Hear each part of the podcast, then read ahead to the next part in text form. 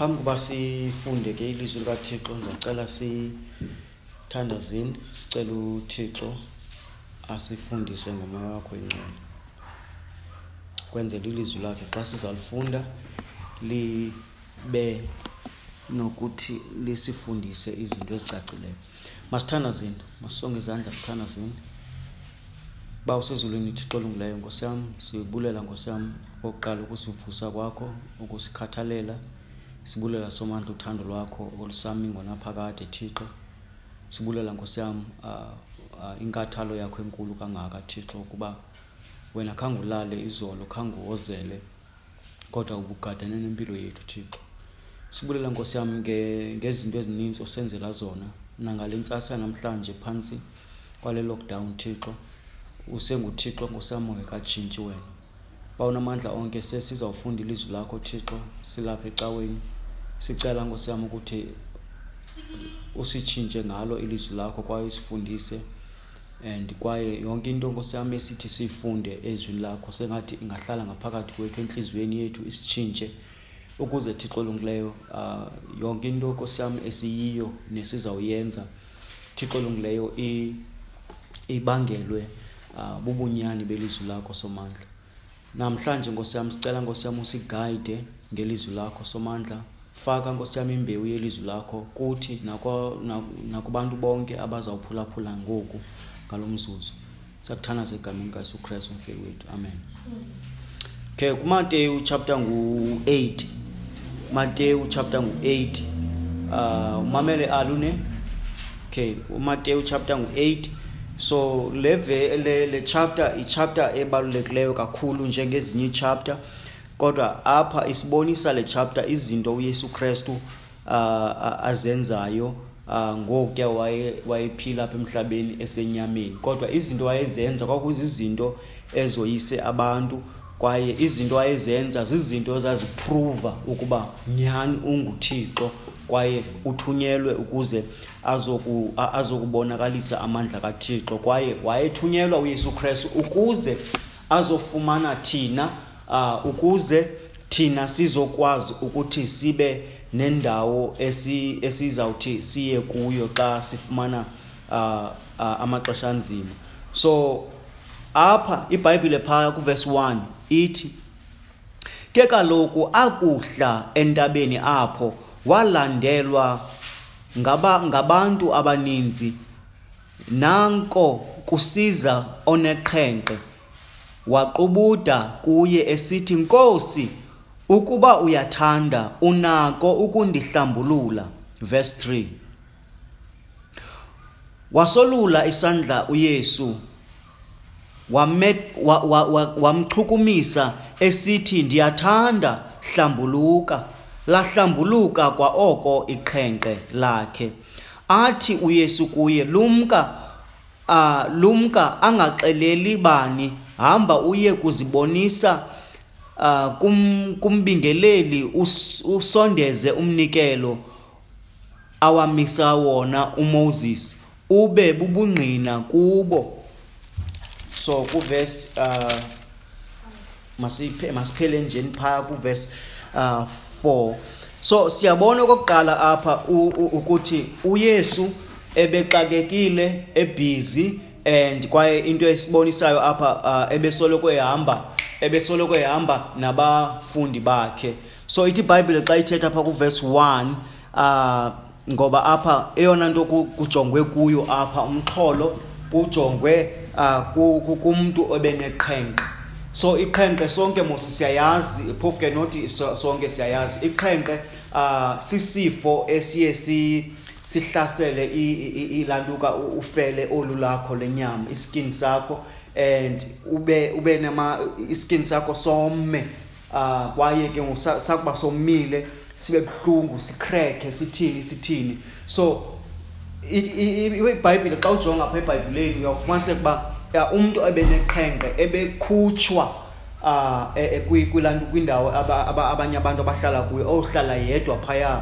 So lo tata ke ngoku ebehlala entabeni. So njengoba uyesu kristu ke ngoku esihla ithi ibhayibhile phaya ke kaloku verse 1 jonga phaa kuvesi 1 ke kaloku akuhla entabeni apho walandelwa ngabantu abaninzi. So u, abantu abaninzi babesoloko bemjongile uyesu kristu uba uphi and then bamlandele ngoba bebeyazi ukuthi uh, kukho imiqondiso emininzi ebebeyibona kwaye ebebafundisa ilizwi likathixo. So ithi ibhayibhile kuvesi 2 nanko nanko kusiza oneqhenqe waqubuda kuye esithi uh, nkosi ukuba uya uyathanda unako ukundihlambulula. So kuyabonakala ukuba le ndoda seyizothi gqi noyesu kristu nje ehlika entabeni kuyabonakala uba ibikude necommunity and kulapho uh, bebehlaliswa khona bebehlaliswa uh, kwindawo ekude nabanye abantu. So that bangazukwazi usulela abanye abantu because iqhenqe ilisulela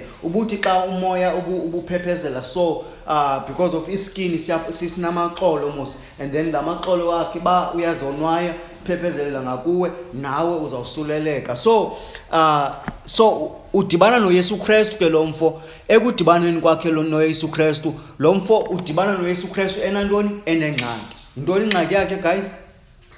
Yiqhenqe very good. So ingxaki yalo mfo yiqhenqe so endaweni yokuba abaleke because kwangakho suppose uba usondele ebantwini endaweni uba abaleke azifihle uye wathini? Weza kuyesu kristu. Wathini kuyesu kristu? Kuvesi 2 uthi phaya xa ithetha uvesi 2 uh, na, ithi ibhayibhile nako kusiza oneqhenqa so endaweni uba abhekele lo mfo uthini? Uyeza. Yintoni emzisayo? Yintoni ebangela uba makeze? Ithi ibhayibhile waqubuda kuye uh, uh, kuye esithi nkosi ukuba uyathanda unako ukundihlambulula. So into ebangela uba makeze emtyhala uba makeze uh, kuyesu kristu ehamba nabantu wayeza ngenxa yokuba esazi ukuthi uyesu kristu unawo amandla okumphilisa. Kwintoni kwimeko yakhe yantoni? Yeqhenqe so uh, uh, ithi ibhayibhile xa ithetha weza kuyesu kristu okokuqala into yokuqala ayenzileyo before acele ukuphiliswa uye wathini? Jonga apha kule vesi kuvesi 1 kuvesi 2 ithi uh, uh, uh, uye wathi phaya esi waqubuda number 1 ithe uye uye wathini? Waqubuda. Kuthini uqubuda? Kukuguqa ngamadolo uh, ujonge phansi meaning wayebonisa ukuthi wena uyinkosi because inkosi zanamhlanje awukwazi uvele uthethe nje ume ngohlobo. So kufuneka uthini? Ubonakalise irespect. So uqubuda ubonakalisa irespect ubonakalisa uba lo mntu uqubuda kuyo uyintoni yena? Uyinkosi. Unamandla kwaye unegunya elikhulu. So le ndoda into yokuqala before icela ukuphiliswa yenza ntoni? Yaqubuda and then emveni kuba iqubudile jonga kwalapha kule verse 2 ithi ibhayibhile uh, uh, wathi kuye nkosi. Uyayibo so number 1 uyaqubuda number 2 uya uya uyalanduka uyarealize ukuba hey yinkosi lendithetha nayo. So nantso ke into yabangela uba le ndoda ngoku ineqhenqe ithini? Ingabhekeli ibaleke kodwa ize ngoba yayisazi ukuthi lona ndiza kuye ufanele ukuthini? Kuqubudwa kuye and uyinkosi. So siyabona uba uh, le ndoda ukuba utheni ithi ithi ibhayibhile phaa ithi le ndoda nkosi ukuba uyathanda unako ukundi thini ukundi ukundihlambulula. So apha into ethethayo uthi inkosi ukuba uyathanda ngamanye amazwi kanye ngendlela esinoyibeka ngayo singatsho sithi ngokwentando yakho thixo unako ukuthini? Ukundihlambulula itsho le ndoda. Uyayiqonda because yona intando yayo kanye into eyifunayo ifuna uthini ukuphila. But ayitsho apha ayivele ize nje kuyesu kristu. Ithi nkosi ngicela ukuphila. Ithi ngokwentando yakho thixo ngokwentando yakho ukuba ukuba uyathanda unako. Una ayimdawuthi nokumdawutha kodwa ithi ukuba uyathanda nkosi unako ukundihlambulula. So yayisazi isiza nje kuyesu kristu yayisazi uba uyesu kristu unguthixo onako ukuyihlambulula kwinto yonke enengxaki nayo. So siyabona ngapha ukuthi iproblem yayo yintoni kaneni kwakhona? Yintoni iproblem yale ndoda? Liqhenqe iqhenqe kwakuyintoni ingxaki yayo ukusulela and then ngenxa yeqhenqe njengecorona lena ngenxa yeqhenqe kwakufuneka umntu as babesenditshilo kufuneka umntu abekelwe kude. Kune-community ukuze angasulela abanye abantu and then ahlale phaya angahoywa noba ufile uyawubonakala ngolo xesha uba ufile njalo njalo. So umntu oneqhenqe ebebhekeliselwa phaya because of wayengafuni uba asulele abanye abantu. Kodwa le ndoda yafumana ntoni? Ithamsanqa. Ntoni ithamsanqa? Ilaka yafumana ithamsanqa lokuba ibone nankuya uyesu uhamba nabantu abaninzi behla entabeni. Yaya le ndoda yasondela. Ekusondeni kwayo ekusondeleni kwayo yafika khange ibuze khange ithini yafika yathini yaqubuda yathi nkosi ukuba wena unako ukuba ngaba wena uyathanda unako ukundihlambulula. So masive ke ngokuyesu kristu uthini emveni uba le ndoda ithithile? Verse 3 ithi ibhayibhile phaya kuverse 3 wasolula isandla uYesu wayichuku wamchukumisa esithi ndiyathanda hlambuluka. Lahlambuluka kwa oko iqhenqe lakhe. So wenza ntoni uyesu kristu emveni ba le ndoda yenzile? Yenze ntoni le ndoda kuqala ukuze ihlambululwe? Number one iye yaqubuda kuyesu. Number two yathi nkosi ukuba ngaba ukuba ngaba nkosi uyathanda. Because of ngale ndlela ithetha ngayo iyabonakala ukuthi ibiseyikholwa kwakade. Because of yintoni esinokuyiqiniseka uba nyhani ibiseyikholwa le ndoda? Kungenxa yokuba endaweni uba ibhekele iye yasondela yeza kuyesu krestu uh, yasondela and then yaqubuda and then yathi kuyesu krestu nkosi uh, ukuba ngabe uyathanda unako ukundihlambulula. So uyesu krestu khangayidisappointe le ndoda. Into ayenzile uye wathini? Ithi ibhayibhile uye wathini? Wathatha isandla sayo wasolula wayichukumisa emveni koko lahlambuluka meaning laphila lonke iqhenqe inyama yayo yarayithi yayeka ukoma yayeka ukreka uh, njalo njalo. Emveni koko wathi uyesu kristu jonga uzungaxeleli bantu. Uzuye kubani? Kumbingeleli. Meaning umpristi ke kwakungabantu abalantukayo abaye ba bakuxelele uba uneqhenqe okanye bakuxelele uba awunayo iqhenqe. So le ndoda ithe yakulantuka yakuphiliswa nguyesu kristu jonga phaa kuvesi 4 jonga phaa kuvesi 4 uzobona kakuhle uvesi 4 ithi ibhayibhile phaya xa ithetha athi kuye uyesu lumka angaxeleli bani? Hamba uye kuzibonisa kumbingeleli usondeze umnikelo umnikelo awamiswa wona owamisa wona uMoses ube bubungqina kubo. So uYesu Kristu emveni ba iphilisile le ndoda yintoni ebangela uba mayiphilise? Because of uYesu Kristu ubone ukholo kule ndoda. Yabona ke kufuneka uyazi ukuthi abantu abangafuni ukuza kuYesu Kristu ba ba ba, ba waste ixesha lokuba baphiliswe kanye bancedwe nguYesu Kristu because the more bengafuna usondela the more ixesha lihamba eh namathuba uThixo asinika wona sithini siwa waste ngoba le ndoda yanikwa ithuba lokuba hey imbone nanku uYesu Kristu emveni kuba imbonile ya realize meaning yaziqonda ba endinale ngxaki. And then le ngxaki indenza ukuba ndithini? Ndihlale entabeni because ayisentabeni le ndoda. So iye yathini? Yeza kuyesu kristu yafika yaqqubuda because of awukho nto unokwazi ukuyifumana kuthixo ungakhange uqale umrealize uba unguthixo ekumele kuqutyudwe kuye. Kuthini uqubuda uqubuda kukubonisa irespect kukubonisa ukuba yena uthixo ungulantuka ungu unguthixo ungumnini wento zonke and akahlulwa nto. And eh, eh, yabona laa sayini yokuqubuda ibonisa ntoni? Ukuthi uyalantuka uyazinikela khonanye into onako ukuzenzela yona. Kodwa uqubuda kuthixo ukuze yena akuncede. So le ndoda yenza loo nto yiyo into yabangela ukuba ithini? Uh, incedwe. So ekumveni uba incediwe nguyesu krestu ithi ibhayibhile xa ithetha phaa uyesu krestu uthi xa ithetha ungaxeleli mntu wena into okufuneka uyenze hamba uye kumbingeleli ufike phaya uthini? Ithi phaa verse 4 ithi ufike uye kuzibonisa kumbingeleli. Yabo? So yaye uyesu kristu wayeyazi ukuthi net umbingeleli ayibone ukuba nyhani le ndoda ilantukile iphilile. Obviously uh igama likaThixo negama likaKristu lalizawuphakanyiswa and then alandelwe ngabantu abaninzi ngakumbi nangakumbi because iqhenqe i think yayinganya kwakusisifo esinganyangekiyo but uyesu kristu wayekwazi ukusinyanga. Wayekwazi ukusinyanga xa ethe wabona wayekwazi ukusinyanga uyesu kristu and wayekwazi ukukunyanga xa ethe wabona qala intoni? Ukholo so le ndoda isiza kuyesu kristu sibonile ukuba uh, iye yaqubuda and yenza zonke ezi zinto ibityhalwa yintoni? Ibityhalwa ngamandla okholo ebena ibinalo because ibingazusuka ngaphaya ize ithi inkosi uh, uba ngabe uyathanda unako. Iye yakholwa isekude yathi mm -mm, oyena mntu uzamnceda yatsho entliziyweni eyena mntu uzamnceda nguyesu kristu yeza. And ngenye yezinto ezabangela uba iphiliswe kungenxa yokholo eyayinalo kuyesu kristu jonga ke ngoku uvesi uh, 4 ivesi yokugqibela yethu ithi uyesu kristu lumka. Yabo? Uthi lumka ungaxeleli bani. So apha uyinika ke ngoku i-instruction. Kuvesi 4 kuvesi 3 siyabona ukuba uh, uyinike impiliso. Uye wayiphilisa kuvesi 3 kuvesi uh, 2 siyabona ukuthi sibona ingxaki yale ndoda.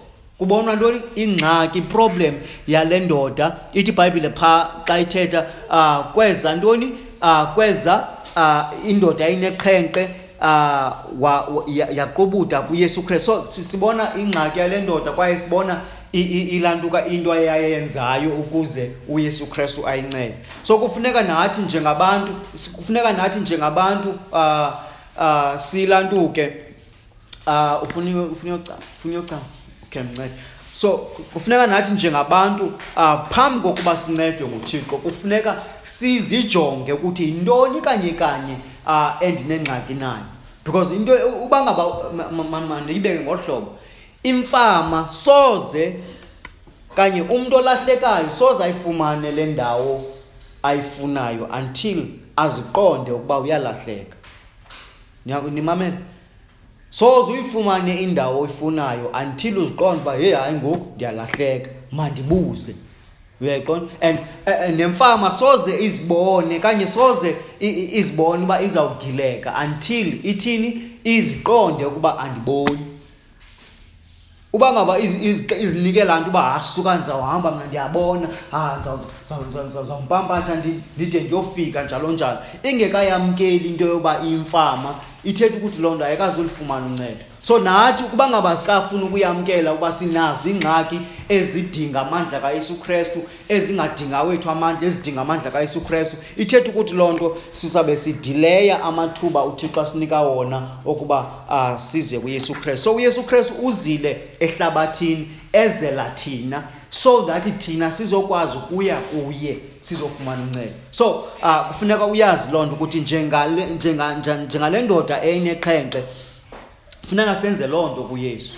Size kuyesu kristu ngoba ithi kwenye indawo ibhayibhile uh, ithi uthi ithi ibhayibhile uthi izani kumnina nonke utsho uyesu kristu uthi izani kumnina nonke nisindwayo ngumthwalo nto ninika ukuphumla. So iingxaki zethu azisiniki kuphumla iimeko zethu azisiniki ukuphumla. Yiloo nto kufuneka size kuyesu kristu ngoba xa size kuyesu kristu sikholwa because le ndoda yona yeza kuyesu kristu ikholwa. Zange ithi yakuba ilandukile iphilisiwe nguyesu kristu kwakukona ikholwa. A-a ikholwe ngekaphiliswa ikholwe yatyhalwa ngamandla okholo yeza kuyesu kristu ngoba yayikholwa ukuthi uyesu kristu unako and namazwi ewathethayo kuyesu kristu ithi kuyesu kristu nkosi ukuba ngaba wena uyathanda unako zange imdawuti nathi into yobangela uba si sometimes kubonakala ingathi uthixo akasincedi um ziintliziyo zethu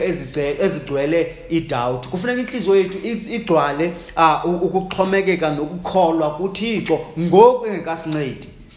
Yayiqonda ngoku engasincedi so that size kuye sikholwa siphethe ukholo because of ayikho enye into enokusinika le nto uh, siyifunayo si, si ezawuhambelana nentando kathixo ukuba ngaba asiliphethanga ukholo eyona nto uzawusinika iimpendulo zethu nezinto zonke esizifunayo lukholo ekufuneka size nalo kuthixo. So le ndoda eneqhenqe yeza uh, naloo nto. And i believe ukuthi ngeli xesha abantu babebuza uba uyaphi ke lo uzazosisulela uyaphi kodwa bahamba noyesu umphilisi weqhenqe and i believe ukuthi babekhona abantu babesoyika phaya njengoba uyesu kristu ithi ibhayibhile wayehamba nabantu abaninzi.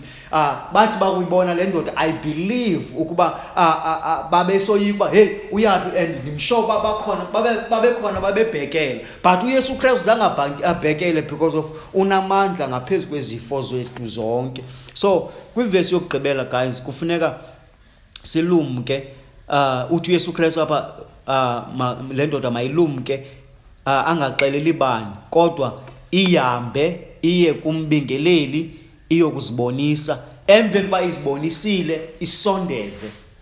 Isondeze ntoni? Isondeze ntoni phaya mishake isondeze ntoni? A-a isondeze ntoni kwakhona pha? Ibhaliwe pha. Isondeze nto umnikele so why kuzawufuneka iyozibonisa kumbingeleli? For the sake of ubungqini ukuba nyani iphilisiwe. Because umbingeleli kwakunguye yedwa okwaziyo ukumhlola umuntu emzimbeni wakhe uba hayi uneqhenqe kanye iyaqala iqhenqe kanye awunayo na.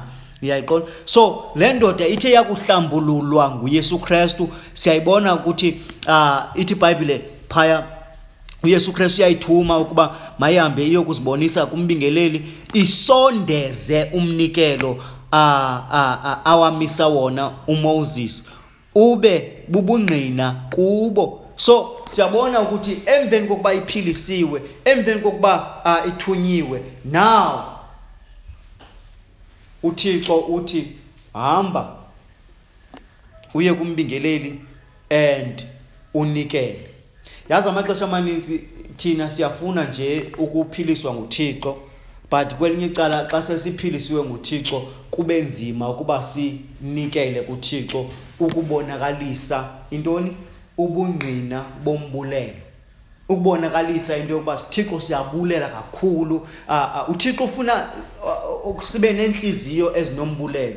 The reason why esithi kule ndoda apha emveni uba ephilisile mayihambe iyozibonisa kumbingeleli then ibe seyinikela. Uyayiqonda ngoba yayifuna uyesu kristu wayefuna ilantuka ibe nenhliziyo yombulelo. Iyazi apho isuka khona iyazi ngubani loyincedileyo and then ikwazi ukuthi ibulele. Isacrifice ngenxa yezinto uyesu kristu athe wazenzela wayenzela yona. So namhlanje nathi singabantu uh, abaphila befuna izinto zikaThixo kodwa bengafuni ukuthobela into uThixo ayithethayo. Because le ndoda i believe ukuthi iye yayenza lento iye yahamba yothobela uh, izwi likaThixo yayahamba yonikela ngolhlobo uThixo ebesitsho ngayo and i believe as iBhayibhile isitsho apha isizathu salomnikelo ithi iBhayibhile usondeze umnikelo awamisa wona uMoses because of xa isithi iBhayibhile awamisa wona uMoses meaning yinto ibiseyibhaliwe ibiseyazi le ndoda ibiseyibhaliwe kwincwadi zikaMoses. Meaning ngeziphi incwadi zikaMoses? Igenesis i-exodus ileviticus inumeri ideuteronomy so kwezi ncwadi zinhlanu imitheko yincwadi emalunga nomthetho. Yayingumthetho into yokuba abantu mabanikele kuthixo. So le ndoda iyaxelelwa ukuba emveni uba uphilisiwe ke ngoku hamba uyozibonakalisa then wenze umthetho osezwini likathixo wokunikela. Uyayiqonda? So bazalwane kufuneka sibe ngabantu abathi bakuncedwa nguthixo sibuyele back sinikele. Kwaye funeka sibe ngabantu abathi abathi sithi sakurealize ukuba sinazo iingxaki singayi komnye umntu kodwa size kuyesu krestu. Singakhathali uba abantu bazawuthini as sirhubuluza neengxaki zethu sisiza kuyesu krestu. As long as ukwidirection eza kuyesu krestu kufuneka ungayeki ukuza ungayeki ukuzama ukuza kuyesu krestu ungayeki uh, ukuza uphethe ukholo kuyesu krestu njengale ndoda. Because le ndoda i believe ukuthi as uba isiza phakathi kwabantu abaninzi i believe ukuthi uyesu krestu waye in the middle yaba bantu i believe ukuthi abanye babethetha izinto kule ndoda ukuthi uyaphi wena and le ndoda yayinyeliswa because of ineqhenqe nesifo esinganyangekiyo. And namhlanje zikhona izifo ezinganyangekiyo. Mhlawumbi izifo uh, esinazo ayizozifo ezikhona enyameni. Mhlawumbi zizifo ezikhona enhliziyweni. Ezidinga ukuba size kuyesu kristu. Oogqirha baziboni zonke mandithi zonke bonke abantu abaqualified and nabaprofessional ekuphiliseni inyama mhlawumbi abaziboni ezifo kodwa sisifo sesono. Nathi namhlanje ithi ibhayibhile xa ithetha kwenye indawo apha uthi izani kum nina nonke nisindwayo. Buyazi uba isifo sesono kanye isono um yintoni isono kane nelutho? Isisaphula mthwetho yinto yonke oyicingayo oyithethayo oyenzayo eyaphula umthetho kathixo. Ukwaphula umthetho kathixo kunjani? Kukungenzi exactly le nto uthixo asiyalele ukuba masiyenze. So siyakwazi ukungayenzi uh, simophula umthetho kathixo ngokuthetha kwethu. Indlela esithetha ngayo imkhubekisa uthixo. Indlela e, esicinga ngayo imkhubekisa uthixo. Indlela esenza ngayo ithini? Yolanto iphule umthetho kathixo. So guys kufuneka siyazi ukuthi xa sisiza kuyesu kristu naloo meko injalo uyesu kristu unako ukuyisiphilisa asenze abantu abaphilileyo abatsha.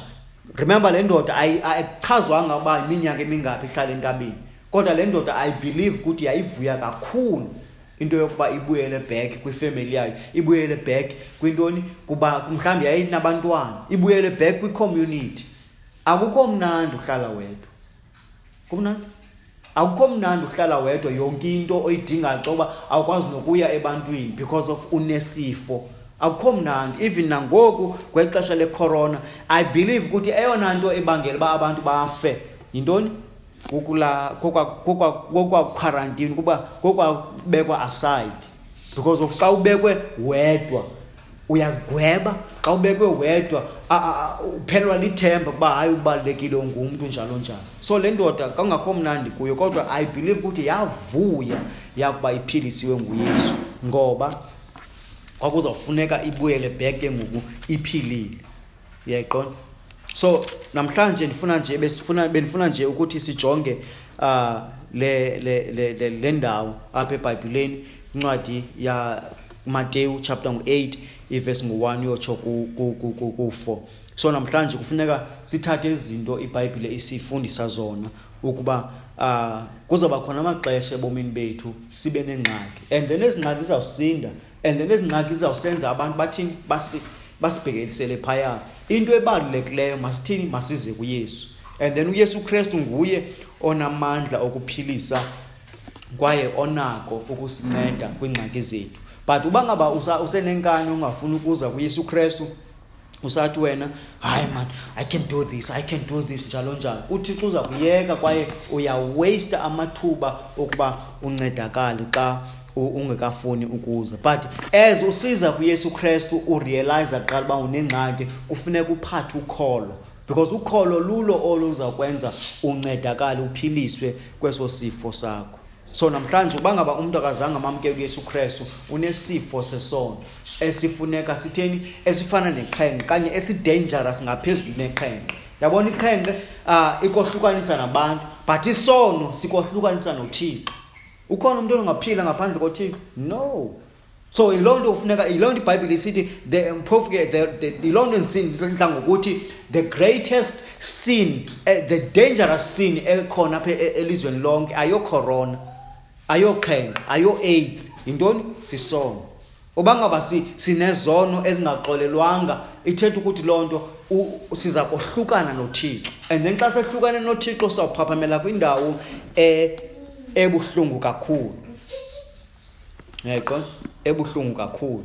So before siyeke nje ndifuna nje sijonge le ndawo abantu abazawuphaphamela kuyo ebuhlungu xa izono zabo bengafuni ukuza nazo kuyesu kristu baxolelwe izono zabo. Ndicela sijonge phaa um kuvesi kumateyu chapter 8 verse 12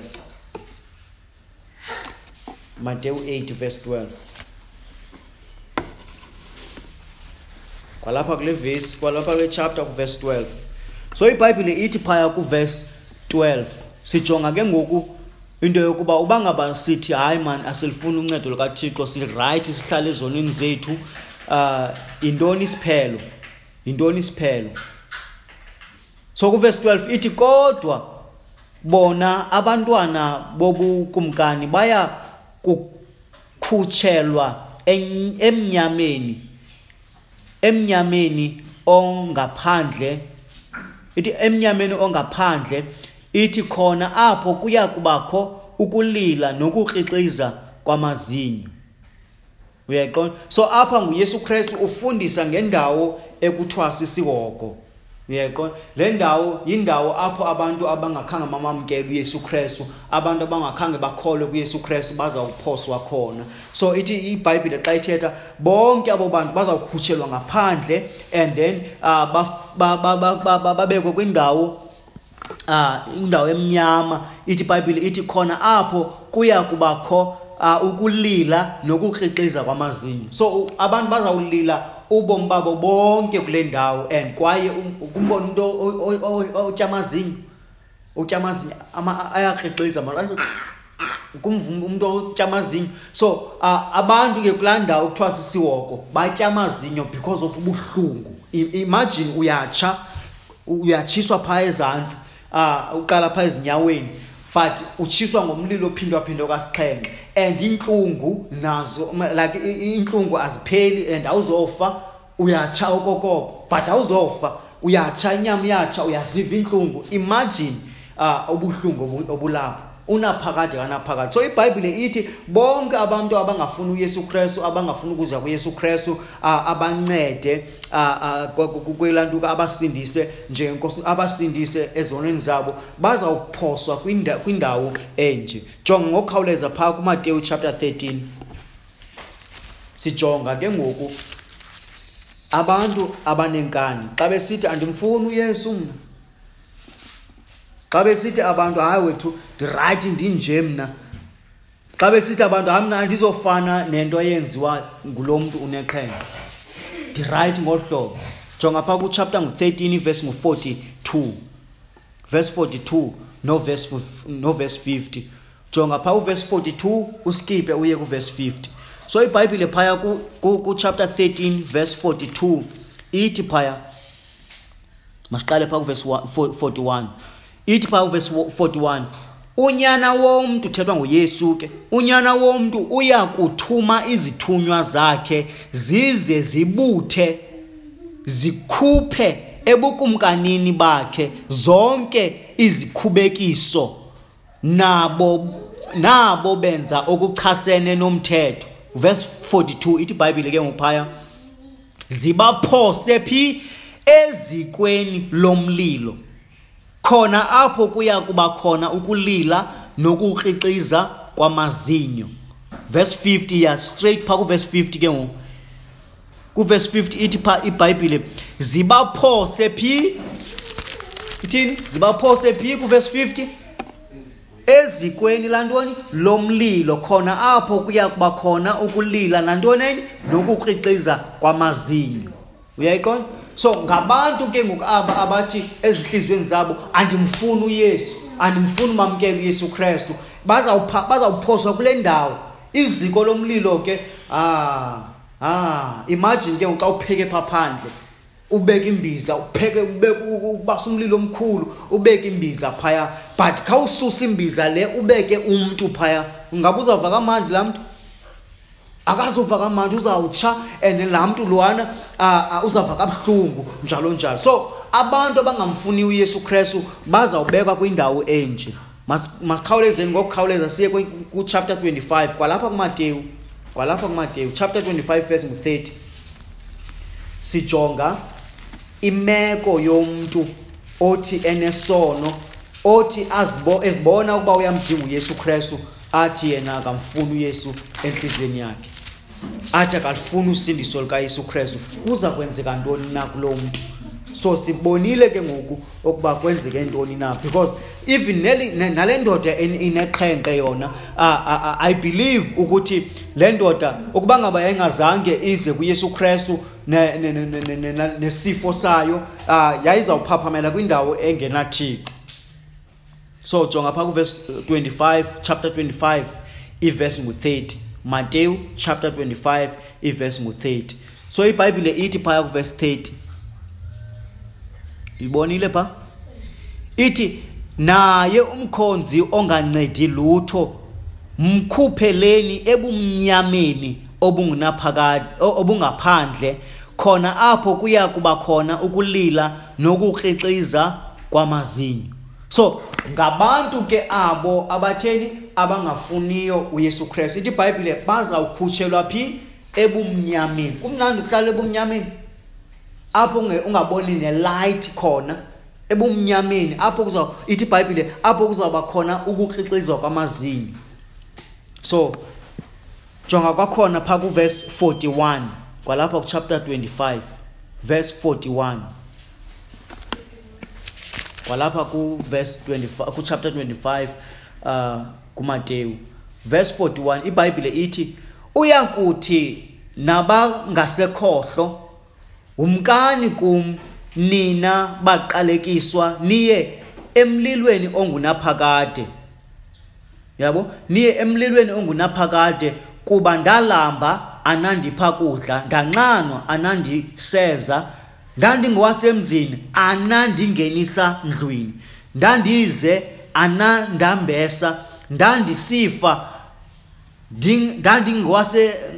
ndandisentolongweni anandivelela boza ke baphendule nabo besithi nkosi sakubona nini na ulambile? Sakubona nini na unxaniwe sakubona nini na ungowasemzini? Okanye uze okanye usifa okanye usentolongweni. Aze abaphendule esithi inene ndithi kuni ekubeni ninge ningenje nja ningenje njanga njalo nakom nakumnye.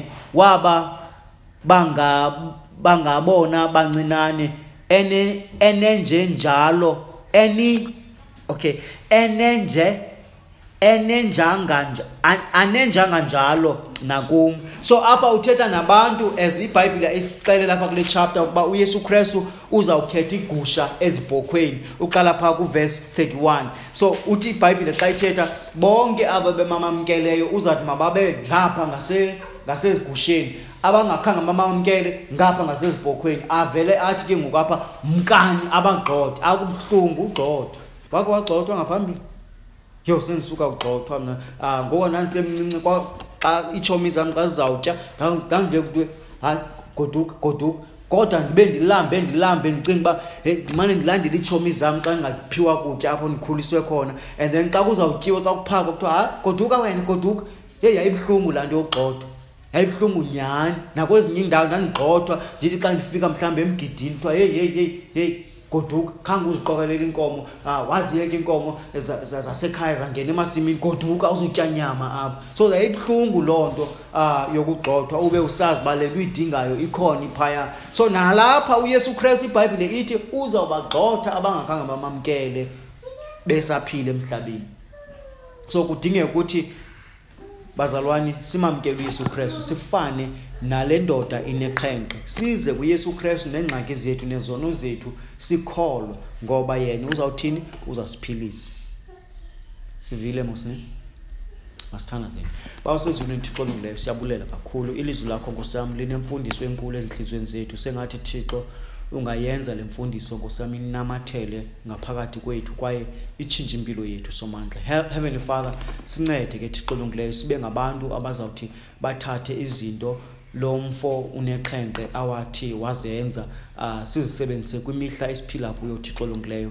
And then into ezibalulekileyo sizifundileyo apha ukuthi le ndoda ithe yakubona uyesu kristu uh, yathi yakuzibona ingxaki yayo yeza kuyesu kristu ikholwa and yaqubutha kuye. Kwaye nkosi yam yaqonda nkosi yam ukuthi nguye oyinkosi phezu kwento zonke ezikhona emhlabeni akoyiswanto thixo kwaye yabona iability uyesu kristu an, anayo somandla. Kwaye nkosi yam yakholwa kubuthixo bayo so kubuthixo bukayesu kristu. Bawunamandla nathi uh, lungisa iintliziyo zethu kuze thixo lungileyo ngoba iingxaki zethu ineemeko zethu zesono ezidalwe sisono zisenza ngosiyam ukuthi ubomi bethu busindakale thixo olungileyo. Uh, kwaye nkosi yamakhosi sincede ke thixo olungileyo ukuthi uh, si, si, si, si, si, si, si, size kuwe uh, ngokholo. Kwaye siyazi nkosi yam ukuthi akhona mnye umntu onosinceda ngaphandle kwakho wena yesu kristu you came for us so that we, we can uh, uh, come to you lord. And heavenly father thank you so much for the access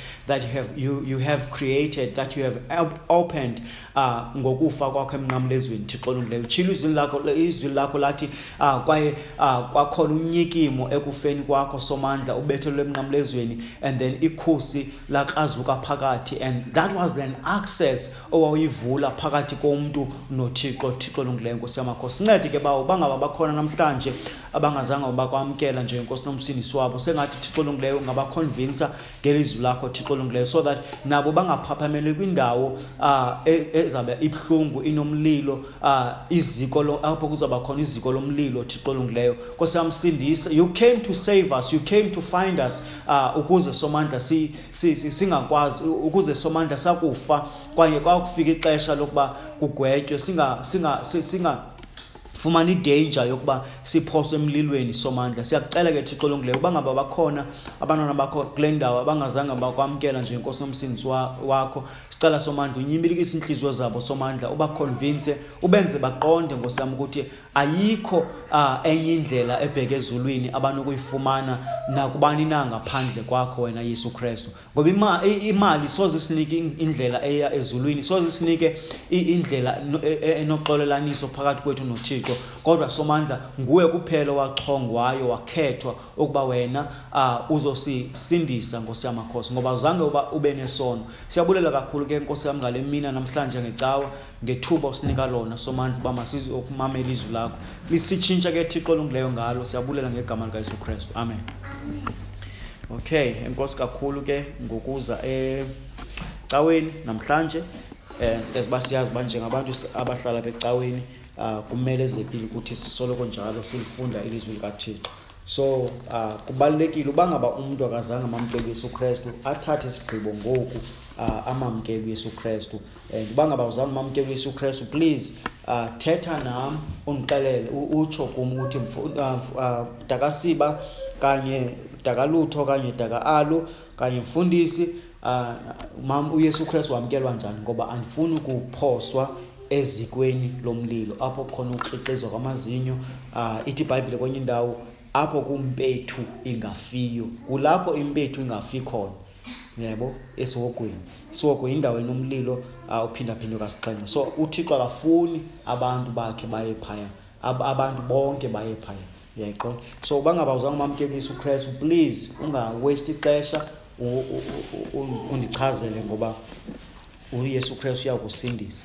Ah so njengoku ke ndiza sizawukhululeka ke ngoku sigqibile. Inkosi